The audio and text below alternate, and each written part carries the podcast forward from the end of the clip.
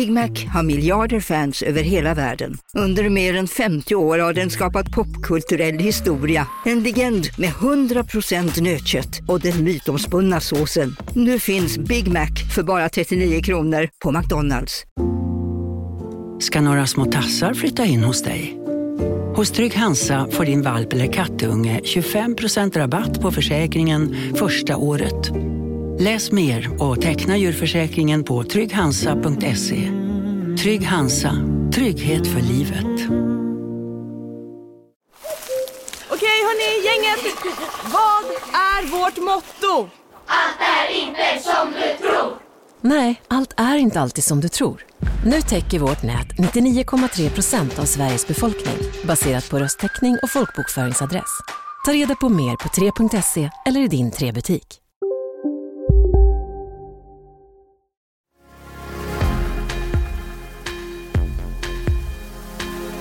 De sista 2000 år har det inte varit så varmt som idag. Och eh, det finns bevis som visar att eh, det kan vara ännu längre period som vi inte ser så varmt. Så det här är exceptionellt varmt period som vi har just nu. Hur kan du övertyga alla om att man ska lita på de klimatmodeller som ni opererar med? Ja, det är vetenskap då som gäller. Det är vetenskaplig metod som gäller. Att man måste ha data, man måste ha jämförelser, man måste göra det på ett vetenskapligt sätt. Panik hjälper inte, utan man måste titta på sakfrågan och sen se på ett realistiskt sätt vad vi kan göra. Forskare, i alla fall de flesta, särskilt mig själv, är inte bra på kommunikation. Deliang Chen är klimatprofessorn som har en spindel i nätet-roll i FNs klimatpanel IPCC. Efter att ha ägnat sig åt fysik och klimatet i 40 år tvivlar han inte på människans roll i jordens uppvärmning. Men hur säkra kan vi vara på att ökande extremväder är av människan skapat? Och kan vi slå fast att klimatförändringarna ska ses som något farligt och hotfullt? Deliang Chen, välkommen till fredagsintervjun. Tack så mycket. Du är professor i fysikalisk meteorologi vid Göteborgs universitet och medlem av FNs klimatpanel. När du betraktar det offentliga samtalet om klimatet och klimatförändringarna, hur pass sakinriktat tycker du då att det är? Om jag tittar på vad som pågår i Sverige skulle jag säga att eh, i stort sett det är en eh, ett bra samtal och balanserade eh, bild av information som är, är riktiga. Och eh, sen naturligtvis finns ju olika åsikter. Det är väldigt mycket tyckandet i debatter också. Det är kanske att, göra klimatfrågan är stort och det, är, det påverkar många. Och, eh, så det är många som har åsikt, men själv ser jag inget att eh, eh, i stort sett, jag har inga problem med den här debatten som vi har i Sverige tycker jag. Du är själv samordnande huvudförfattare till ett kapitel i en kommande rapport från klimatpanelen IPCC. Den ska komma nästa år. Eh, varje sån här leverans från IPCC tilldrar sig stort intresse. Vad blir det viktigaste innehållet i den rapporten som du bedömer det nu? Det är en jättebra, intressant fråga också, men eh, tyvärr kan jag inte säga just nu. Vi har precis lämnat ett eh, utkast för igår faktiskt. Och eh, det ska liksom gå igenom review, alltså granskningen, och eh, den sista. Och eh, innan det blir publicerat så får vi inte säga så mycket om innehållet. Men jag kan säga någonting som som klimatforskare som har varit länge i området och eh, som, som mina syn på utvecklingen. Och eh, jag tycker det har ju senaste eh, åren har det ju gått framåt väldigt mycket och eh, vi har ju fått bättre och och eh, mer information om klimatförändringar. Tidigare till exempel har vi väldigt fokuserat på atmosfär och eh, nu har vi mycket information från andra delar av klimatsystemet som kryosfär, alltså is och snö, och havet. Det är väldigt mycket information som har kommit fram nu från havet genom nya satellitmätningar och så, och så vidare. Så att eh, det är information, också modeller tycker jag också har blivit bättre. Sen den här frågan som inledande som du sa om extremvädret och eh, det var ju nästan omöjligt att säga någonting om enskilda extremhändelser tidigare. Men har, nu har det utvecklats nya metoder som kallas för event attribution. Alltså man tittar på enstaka händelser och försöker koppla mm. ihop med mänsklig påverkan och så vidare. Vi ska gå in på några olika, olika delar av, av klimatfrågan alldeles strax. Men, men om du sammanfattar totalbilden där det ju den dominerande uppfattningen eh, av alla som följer medier och debatten är ju att det är en mycket farlig situation vi befinner oss i och det kan gå åt pipan med planeten. När det handlar om så att säga hot Bildsnivån, sker det någon förändring där med de nya kunskaper som ni har fått in nu, bland annat om havet?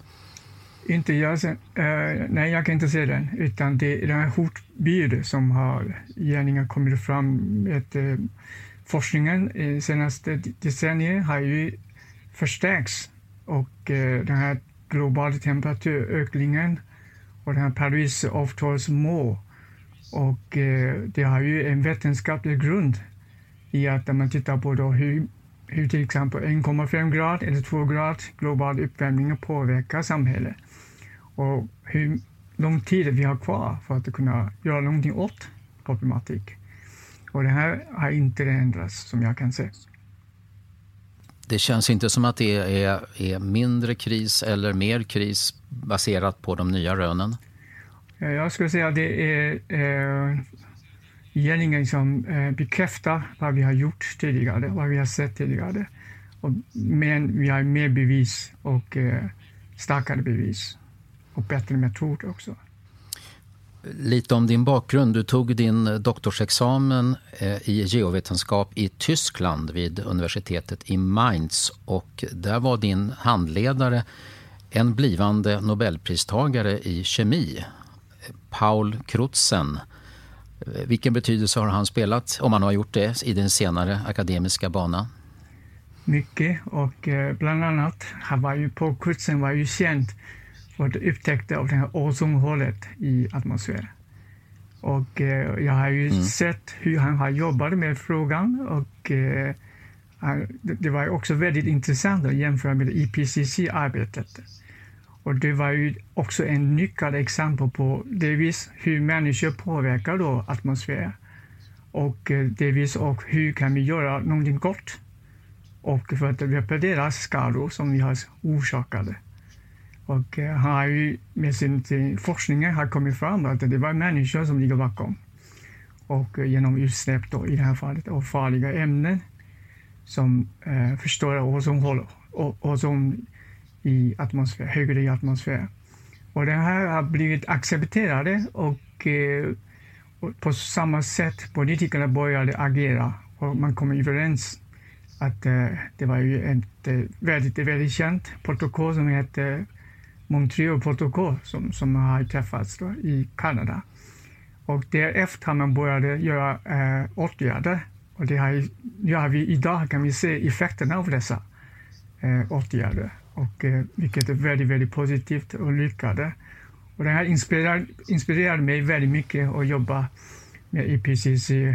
Som du vet, IPCC-arbete är nästan ideellt arbete. Vi gör det sådär ovanpå vad vi har gjort eh, dagligen. Då, i, för mig det är liksom undervisning och forskning på Göteborgs universitet. Men vi gör det här på kvällarna och på, på, på nätterna. Vi har ganska många möten. Och, eh, men för att eh, göra någonting som vi tror på och eh, också som är nyttigt för mänskligheten. Ditt specialområde så vitt jag vet är relationen mellan väder och klimat samt klimatmodellering atmosfärens cirkulation och extrema klimathändelser. Det brukar sägas att det finns en mycket bred vetenskaplig konsensus i klimatfrågan och synen på global uppvärmning och andra klimatförändringar. Håller du med om att det är så? absolut. Det är ofta kanske när man tittar på medierapporteringen, man, man har ju den här, man försöker vara balanserad tycker jag från mediehåll. Och så man brukar ha båda sidorna, och, eh, men i verkligheten det är den här första då, uh, grupp som uh, har sett och uh, tror på den här övertygande bevis på klimatförändringen och dess påverkan är väldigt, väldigt stor, skulle jag påstå. Vad anser du själv då om hur oroliga vi alla bör vara för det som är just människans påverkan på klimatet? Med tanke på alla bevis som vi har och eh, också den här framtidens prognos, då vi, brukar säga scenarier, då, olika scenarier som vi har sett, som IPCC har eh, samlat på och eh, utvärderade också. Så, så jag skulle säga att det är ganska stor eh, risk att eh, vi måste ta eh, på allvar. Vi ska vara oroliga helt enkelt. Ja, absolut. Men det finns också några röster som inte sjunger med i den där breda kören och som anser att det inte egentligen är full konsensus men att de avvikande rösterna hålls tillbaka från de stora arenorna. Och jag intervjuade en av dem för två veckor sedan eh, i Kvartal, energiexperten Elsa Widding som inte håller med eh, om att världen står inför ett klimathot. Du har hört den intervjun vad jag förstår. Vad är din kommentar till det som hon säger där? Jag har lyssnat på intervju och eh, jag tycker hon har ju sagt det eh, från, utifrån ett eh, energiexpert kanske perspektiv. Och, eh, men hon har också har nämnt några forskningsfrågor som vissa, vissa delar har lite missuppfattning tror jag och man har inte fattat rätt, vilket är jag förstår inte. Det här, som hon sa också, klimatfrågan, forskningsfrågan är komplicerade. Och eh, så det finns ju en annan del av den här frågan då, om till exempel påverkan. Vad betyder det för olika sektorer? Och, eh, och det kan man ha olika åsikter, men jag tycker inte hon har ju sagt så mycket om forskningen. Det, jag tycker det är, blandas ihop för mycket och det finns politik också, det är sant att det finns politik. Och, eh, men IPCC är inte eh, politiskt direkt kopplad mot politik. Det är väldigt viktigt princip av IPCC för att vara så kallad policy relevant. Alltså man ska göra någonting som man gör är relevant för policy, för beslutsfattande, men man ska inte vara preskriptiv, det vill säga man ska inte säga vad ska man göra, inte göra och vad som är fel att göra eller inte göra. Mm. Elsa Widding hade ju en rad invändningar mot framför allt det som hon menar är politiska tolkningar av vad ni klimatforskare har kommit fram till. För hon ifrågasatte inte IPCCs vetenskapliga rapporter. Eh, vi, vi, lyssnar på några av Elsa Widdings kommentarer och påståenden från den fredagsintervjun och så får du reagera på dem. Eh, så här motiverade hon att hon alls har gått in i klimatdebatten. Eh, och varför jag vill göra det, det är väl att jag tycker att det har gått lite för långt med skrämselpropagandan. Och att det är viktigt att vanliga människor får hjälp med att tänka själva och inte bara hoppa in i slutsatsen att vi står inför en kris. För det är väldigt svårt att rent vetenskapligt dra den slutsatsen. Ja, vad säger du Deliang Chen? Ehm, hon tycker inte ja, att, att den slutsatsen precis. är så given. Jag tycker liksom, det här till exempel vad hon sa att alla ska ha rätt att tycka eh, själv och det, det är inget fel på den. Och, eh, men när det gäller vetenskap, jag tror det finns i forskningsområdet, finns det expert och eh, det här med kris, att det, det, är, det är inte intressant att det inte finns vetenskaplig belägg på den, utan det finns ju väldigt stort arbete som har lagts fram titta på hur klimatförändringen har påverkat och kommer att påverka samhället på olika sätt. Men är, är kris nödvändigt? Måste, måste så att säga, förändringarna tolkas som att det här är ett hot och att det är väldigt, väldigt farligt om vi inte agerar som att det är ett hot just? det, är naturligtvis, det finns en så kallad risk framing inom IPCCs arbete som tycker jag är väldigt intressant och eh, nyttigt också att tänka. Att det finns, när man tänker på risk, det finns ju tre faktorer som ingår. Då. Och det första är att det, det, det måste finnas någonting som är katastrofalt. Klimatförändringar, e, extremhändelser till exempel. Och det vet vi ganska bra. Vi har ju kartlagt och vi har ju observation och så vidare. Sen också det finns en annan faktor som är så kallade vulnerability, alltså hur sårbart man är, eller viss sektor är. Och eh, mm. till exempel om man har, tänker på havshöjningar, havsnivåshöjningar. Om man inte bor på kustområdet är det inga, inga problem. Och, eh, och eh, sen finns också den här då, eh, så kallade exposure, exponeringen till risker, så att säga. Och om man inte bygger liksom alldeles för nära till havet, då är havshöjningen kanske har mindre betydelse. Mm. Alla tre sammanfaller och alla tre eh, verkar till att det blir risk. Och det är den bedömningen som vi gör. Och eh, efter att titta på alla dessa faktorer, då har man, då har man både IPCC och det är också intressant, eh, det finns ju en, eh, i Davos finns en Economic Forum varje år. Det samlas både toppolitiker och industrinedare industriledare och ekonomisektorn. Och de, varje år de gör en riskbedömning och det är intressant att följa upp deras rapport varje år. Och senaste fyra, fem år de har ju alltid haft det här extremvädret och risk som på topp på agendan vi är ganska överens att det, det är en stor eh, risk det. Eh, när det handlar om, om beskrivningarna eh, om vad som ligger bakom situationen och sådär, så tog Elsa Widding exemplet med hur utsläppen av koldioxid kopplas ihop väldigt starkt med klimatförändringarna. Vi har en koldioxidhypotes som är långt ifrån falsifierad eller liksom, den är inte på något sätt bevisad utan det är en hypotes bland många andra. Ja, stämmer det? Är det en hypotes bland andra med oklart stöd? Det var en hypotes på kanske 30-talet, alltså 1930, och eh, ännu tidigare gärningar. Och vi har ju en svensk forskare som heter Svante Arrhenius som hade den här hypotesen redan för hundra år sedan.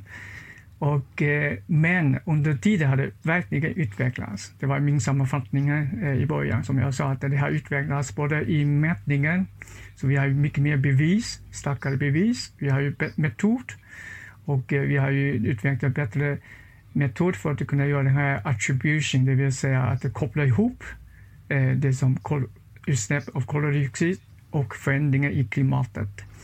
Och, eh, så idag skulle jag säga att det är fakta. Det är inte hypotes mer. Jag tror det är, jag har inte, det är första gången som jag har hört att man tvivlar på det.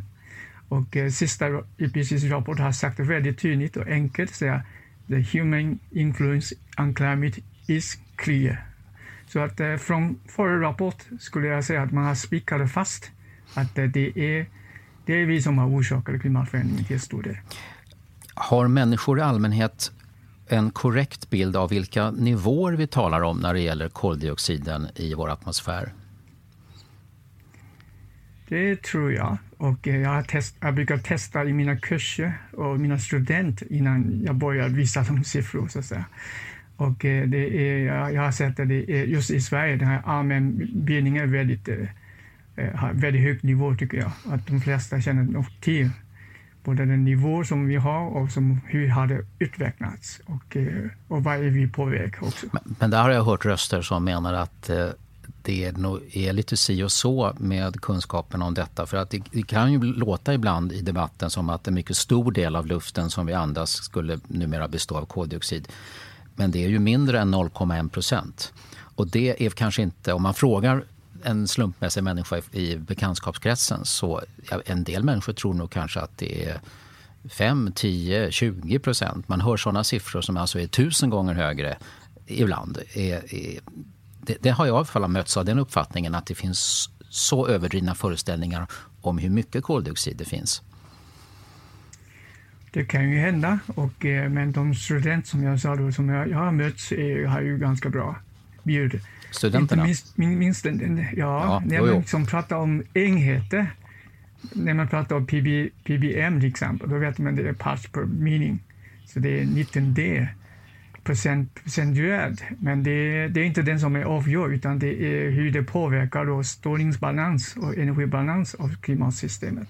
När det, gäller, när det gäller ökningen av mängden koldioxid i atmosfären, eh, hur stor del av den där ökningen anser IPCC är en effekt av mänsklig aktivitet? Eh, det är jättestor del. Och det, det, det, är också en fakta. Jag har inte hört någon tvivla på det. Ofta man kan tvivla på om uppvärmningen är orsakade av koldioxid eller mänskligt påverkan. Men jag har inte hört någon som tvivlar på att eh, koldioxid, ökningen i koldioxid har ju berott till stor del till, eh, på mänsklig eh, aktivitet. Stor del?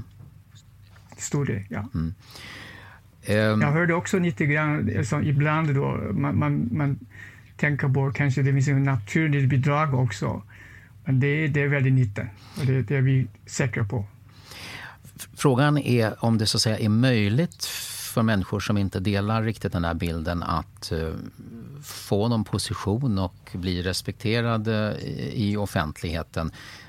Elsa Widding gav ju intrycket att, att uh, det inte är på det viset. Bland annat så sa hon så här om hur, hur debatten låter. Det är en klimatkris, punkt slut. Och temperaturen stiger. Och sen vad det beror på det ifrågasätter vi inte och vi ska veta så lite som möjligt och så försöker vi utmåla alla som tycker någonting annat som idioter. Vad säger du om påståendet att den som inte samtycker med majoriteten i den här frågan utmålas som idioter? Jag tror det är Jag har inte, jag har inte, jag har inte sett någon tänka på det sättet. Och eh, jag, jag menar, det är, om man läser IPCCs rapport och andra eh, vetenskapliga eh, sammanfattningar så vet man att det, är inte sant att man, man struntar i vad, vad som orsakar. Det är inte så enkelt så att man bara säger att det är en katastrof, det är bara temperaturen ökar, vi vet inte och vi struntar i den. Det är inte sant, utan man lägger väldigt mycket energi och eh, och just ta reda på vad som har hänt. Alltså IPCC har skaffat för att kunna hjälpa då politikerna eh, skaffa den här vetenskaplig eh, bakgrund, kunskap om just vad som ligger bakom eh, förändringarna. Och, eh, så det är, det är A och O för IPCCs arbete. Och, det vi, och sen naturligtvis om folk inte förstår eller inte vill förstå, då, då är kanske eh, då måste vi tänka på kommunikation någonstans, att man har inte kommunicerat det här på ett bra sätt. Elsa Widding lyfte också fram det att jorden har ju upplevt varmare perioder förr, långt innan människan började att utvinna olja och kol och före industrialisering och sånt där. Klimatet har varierat en hel del, åtminstone sedan 800-talet i Asien, Europa och Nordamerika.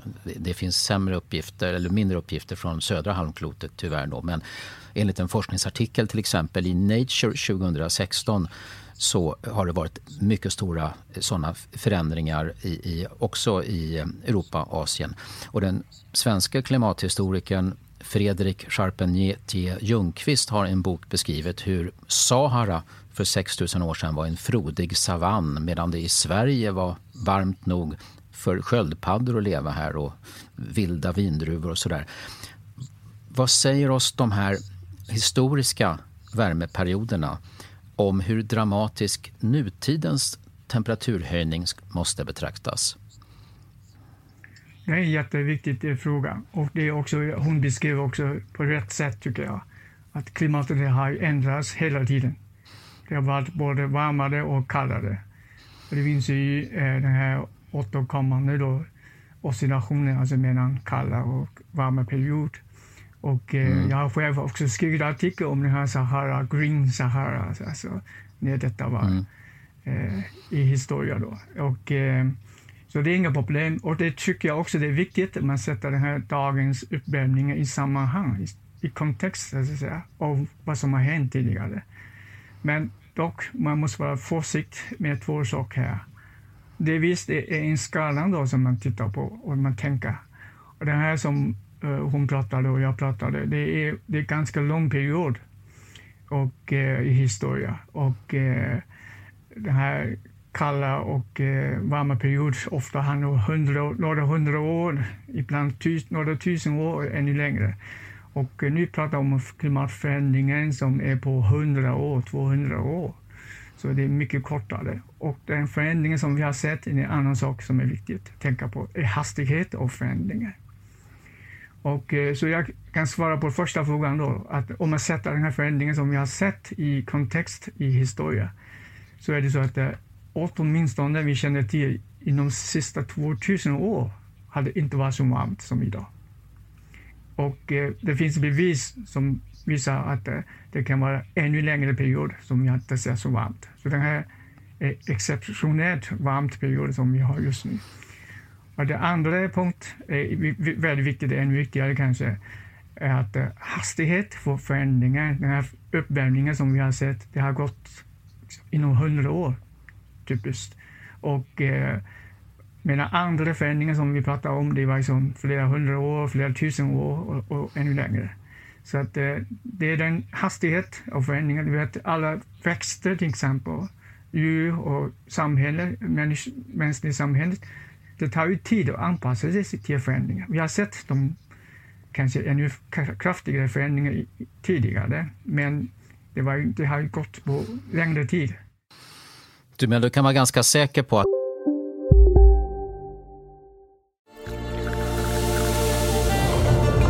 Välkommen till Maccafé på utvalda McDonalds restauranger med Baristakaffe till rimligt pris. Vad sägs om en latte eller cappuccino för bara 35 kronor? Alltid gjorda av våra utbildade baristor.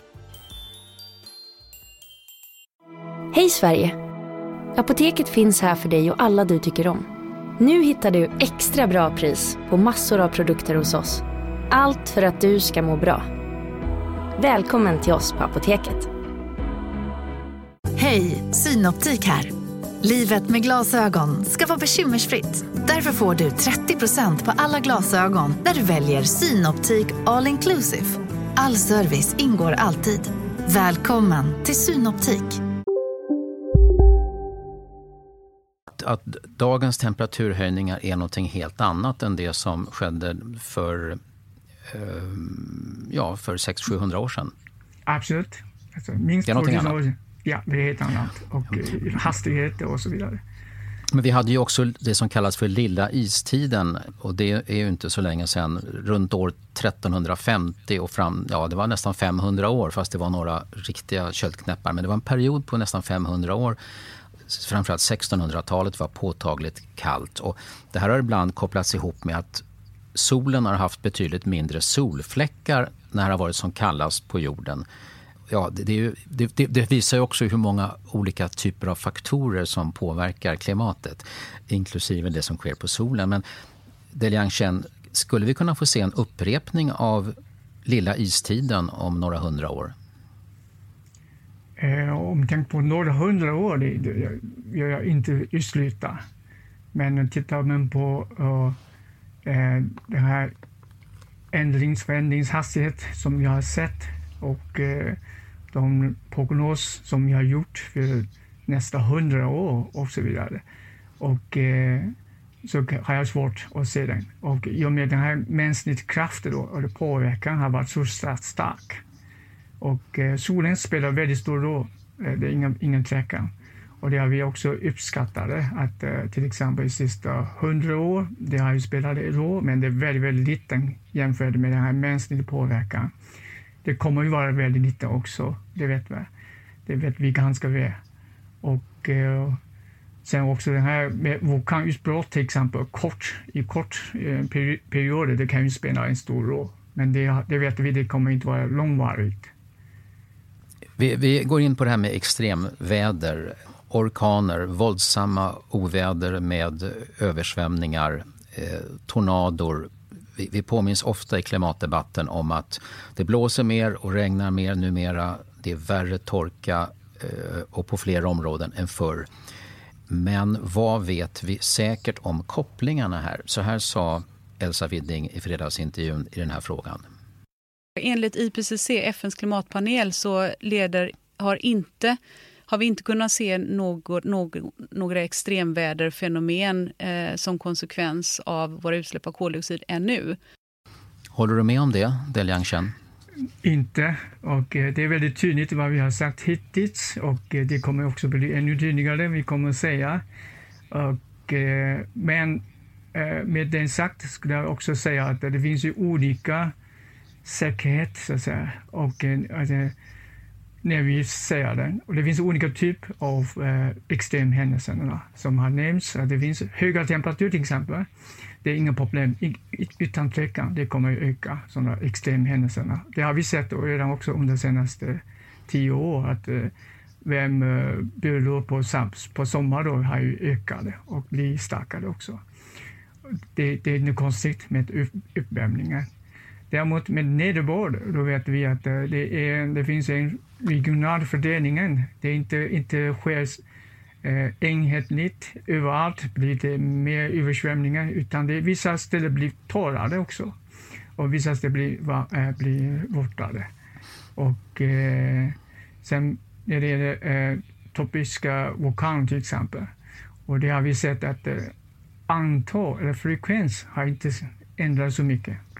Men däremot, eh, det finns olika klasser då för dem och eh, de som är starkaste klasserna, det värsta då, antal och styrkan har ökat.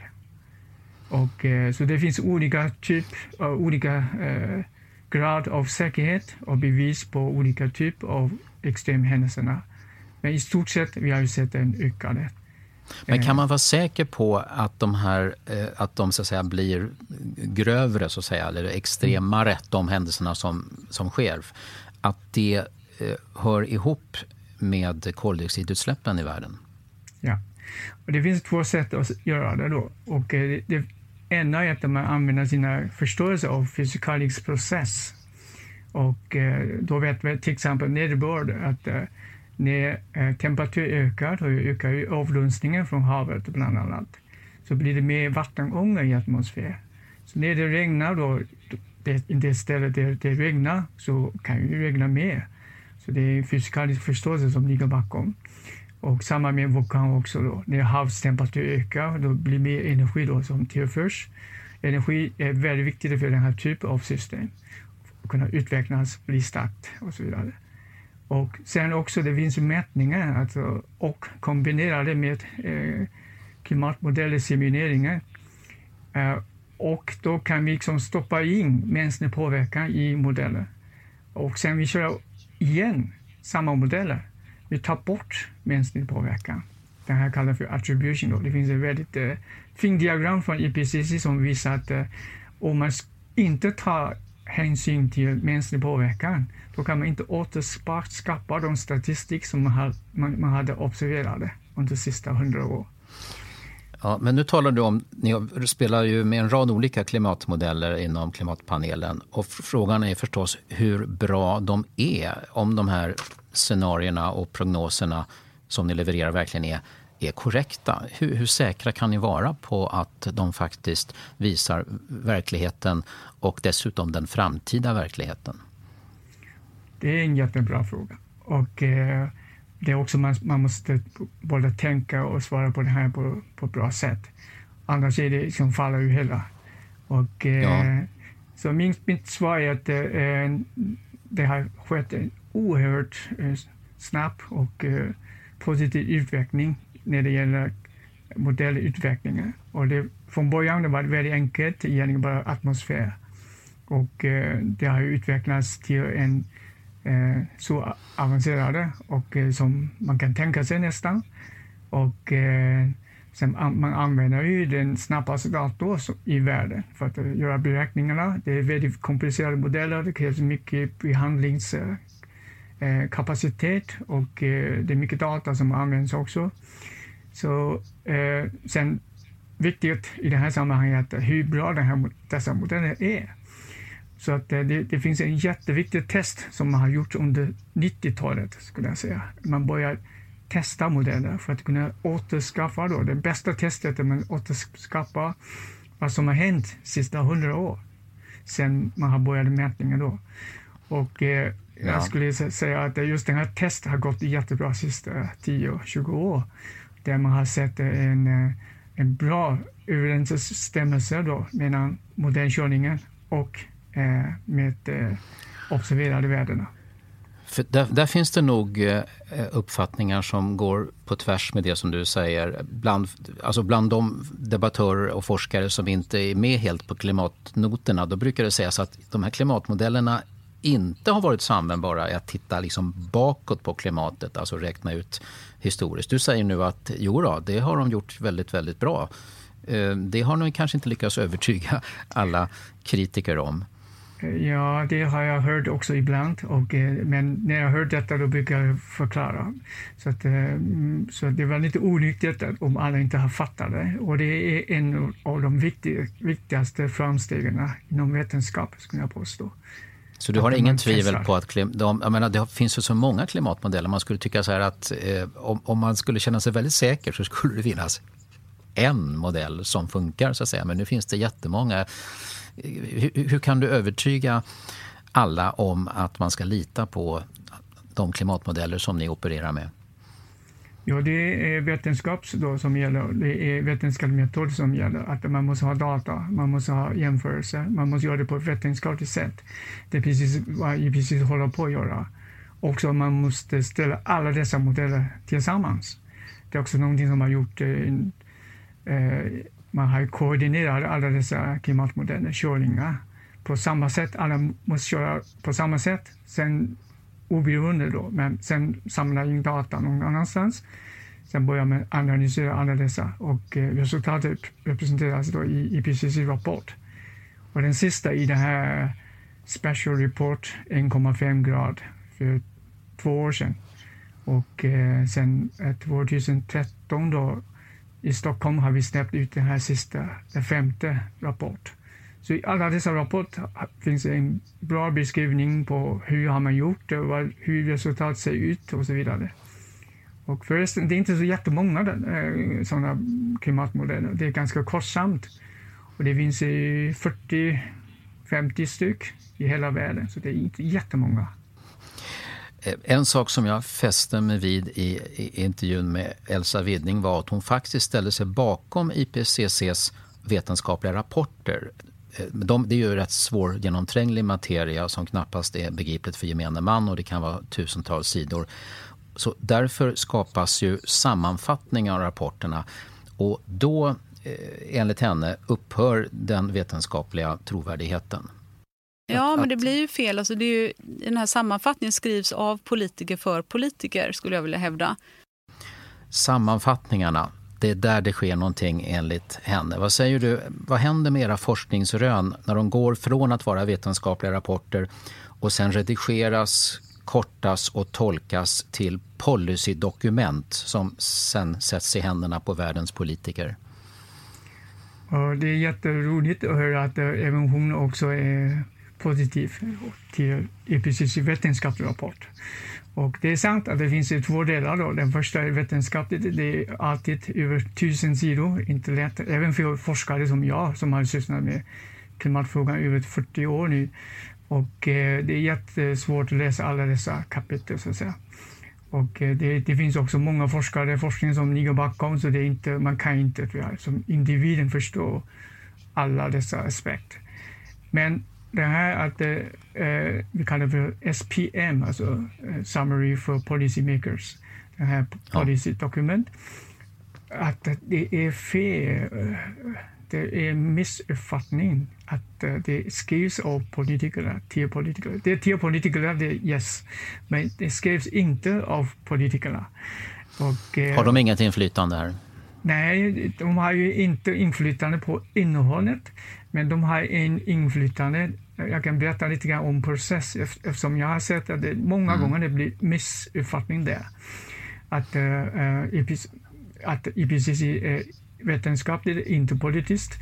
Och då säger man att varför är politiker inblandade? Jo, det var en designad process att uh, när vi skriver färdigt rapport, de kan inte säga någonting om rapport.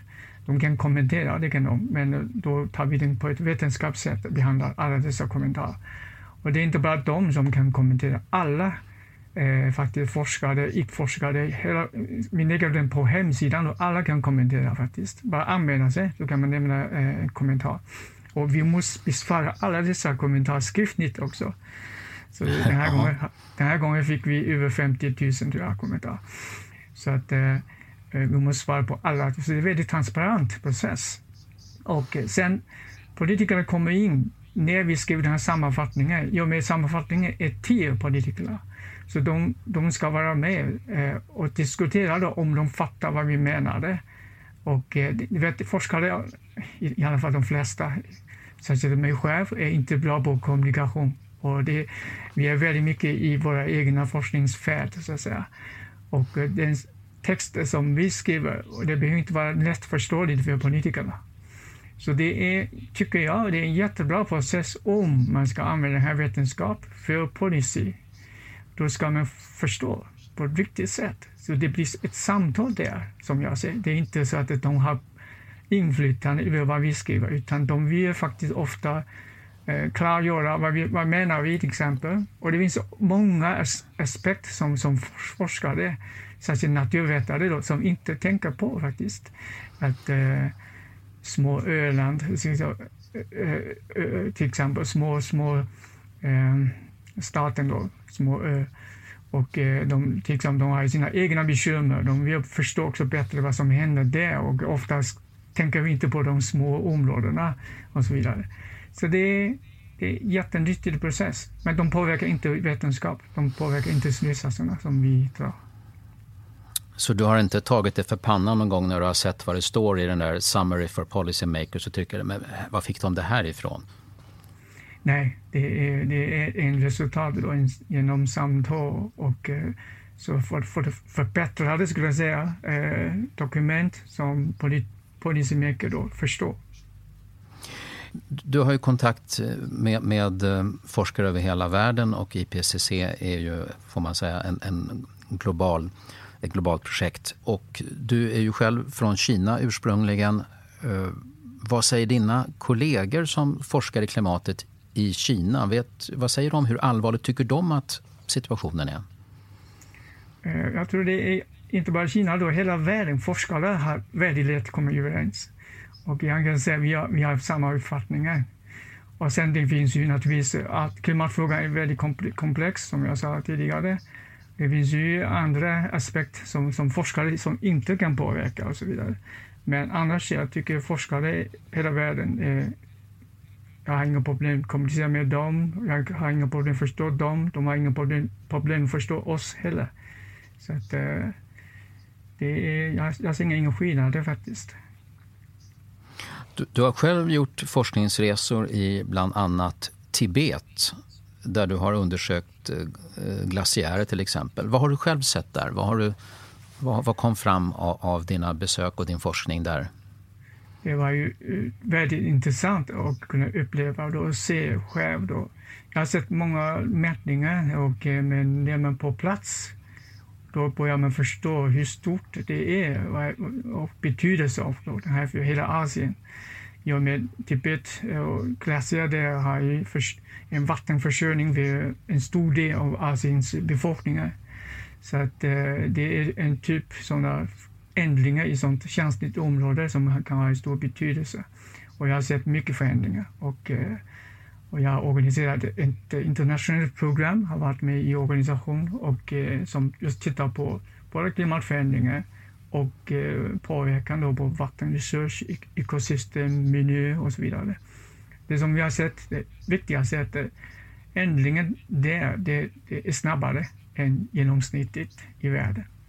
Det är precis som på högre breddgrad, att det är snabbare också nu är jag tillbaka till debatten, offentligheten här och medierna och det politiska samtalet. Jag såg en intervju med eh, den danske statsvetaren Björn Lomberg som ju är ute ofta i klimatdebatten och har skrivit uppmärksammade böcker, bland annat en som heter False Alarm.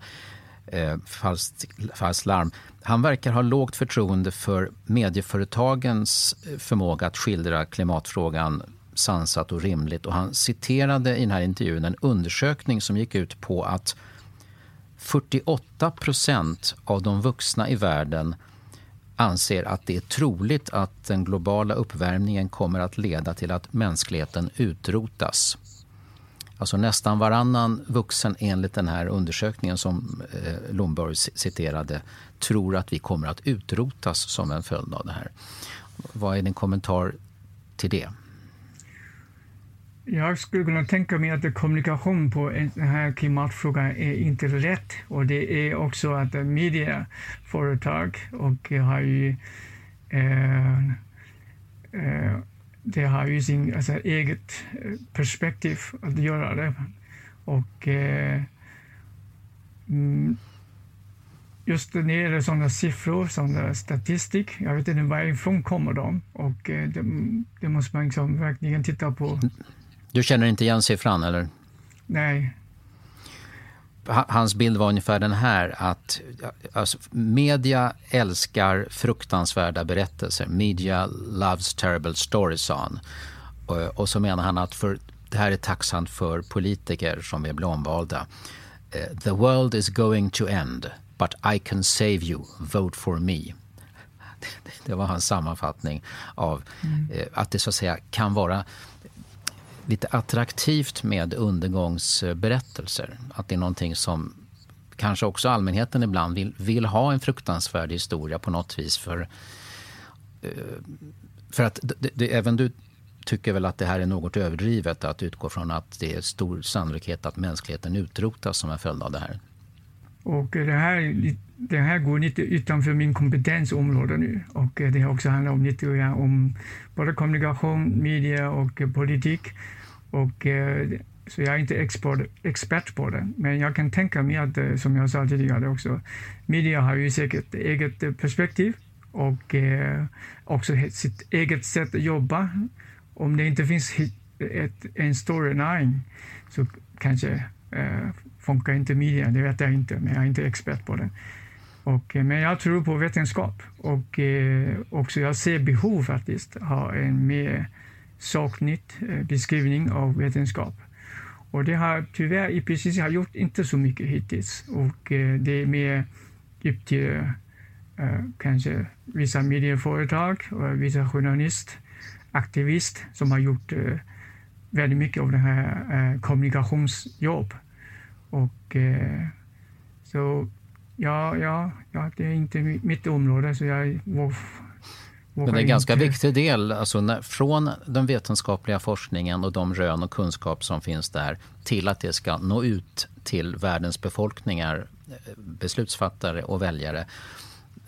Sa du det att det är en del eh, aktivister som har i stor, tagit på sig rätt mycket av, av den här kommunikationsrollen? Ja, ibland. Och eh, det finns också andra som gör det. Som Ergo till exempel har gjort han, han var inte forskare, men han har gjort väldigt mycket kommunikation. Men han har gjort ganska bra ändå. att uh, Han baserar sin uh, kommunikation väldigt mycket på IPCCs rapport. Och, uh, men det finns ju andra kanske som inte har den här sammanhängande bild. Och, ja, det är väldigt svårt för mig att bedöma. Men ja, det är det är en viktig eh, uppgift som jag ser. Att eh, jag också som forskare ibland tänker också att eh, vad har vi för råd i detta? Och, men vi har ju säkert inte gjort tillräckligt. Om vi ska sammanfatta då Liang Chen. Jag har ju redovisat flera av de kritiska invändningar mot den etablerade klimatsynen som finns här och var om man letar och du har besvarat dem. Ehm, vad säger du till de röster i debatten som i stort sett anklagar världens vuxna för att ha tagit ifrån våra barn deras framtid och att vi kollektivt borde skämmas? Det håller jag inte med. Och eh, nu, nu säger jag det här som medborgare och det är inte forskningsfråga eh, längre. Och, eh, jag tycker också att om man lyssnar på vetenskap, i det här fallet IPCC, det är också intressant, IPCC är inte bara som forskare då, utan som tror på klimatet och som jobbar med klimatförändringen. Det finns också de som är skeptiska också. Men i alla fall, eh, om man tror på IPCC som en sammanfattning då, som en utvärdering av alla forskningsresultat så ser vi att det finns en, eh, eh, en faktiskt en långsiktigt skador som vi gör genom utsläpp. På så sätt det finns det en, en fråga som är så kallad generation justice. Det vill säga, det som vi gör idag har ju stor betydelse och konsekvens för våra barn och barnbarn. Och eh, jag tycker de har rätt att känna till detta och eh, de har rätt att reagera på vad vi håller på. Så att, eh, det tycker jag inte det är fel. Men de, de får information också, de får rätt och möjligheter att agera. Bör vi få panik, som vissa hävdar är en rimlig reaktion? Ja, alltså, om man vill reagera på, på ett sakligt sätt, panik hjälper inte. Utan man måste titta på sakfrågan och sen se på ett realistiskt sätt vad vi kan göra, vad vi kan åstadkomma. Och, eh, och sen naturligtvis gör någonting, inte bara prata, argumentera, utan agera på de fakta som vi redan känner till. Och när den nästa rapport från IPCC kommer ut nästa år, den som du alltså har jobbat intensivt med men som eh, du tyvärr inte får redovisa innehållet i. Men vad tror du kommer bli det internationella samfundets sammanfattande reaktion när man får ta del av den? Vad blir det? Blir det liksom en, en, en förstärkt uh, sense of urgency att, eh, eller blir det en, en lättnad, en suck eller blir det jaha, det var det gamla vanliga. Vad tror du det blir för någonting? Det beror på naturligtvis vem du frågar och det blir säkert olika reaktioner. Och, eh, men om man tänker på sakningssätt, det, det här är en bra mekanism som man var femte år ungefär uppdaterar kunskap. Så det kommer bli en uppdatering av kunskap som vi kan ha bättre basis för att kunna reagera och ha bättre policy, bättre förståelse och det tror jag det alltid går framåt. Sakligt, men det finns ju säkert olika reaktioner på rapport. Men det är inte ett helt nytt operativsystem utan Nej. det är det nuvarande systemet som uppdateras? Absolut. För att ta en... Det är jätteviktigt att lägga det här på, på bra, eh, realistisk förväntningsnivå. Deliang Chen, professor i fysikalisk meteorologi vid Göteborgs universitet och en av författarna bakom den IPCC-rapport som kommer nästa år. Tack för att du var med i fredagsintervjun. Tack själv.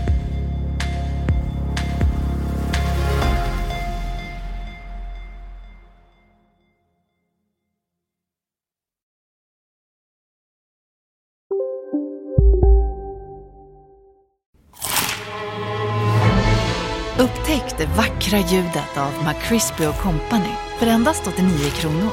En riktigt krispig upplevelse. För ett ännu godare McDonalds. Hej, Susanne Axel här. När du gör som jag och listar dig på en av Krys vårdcentraler får du en fast läkarkontakt som kan din sjukdomshistoria.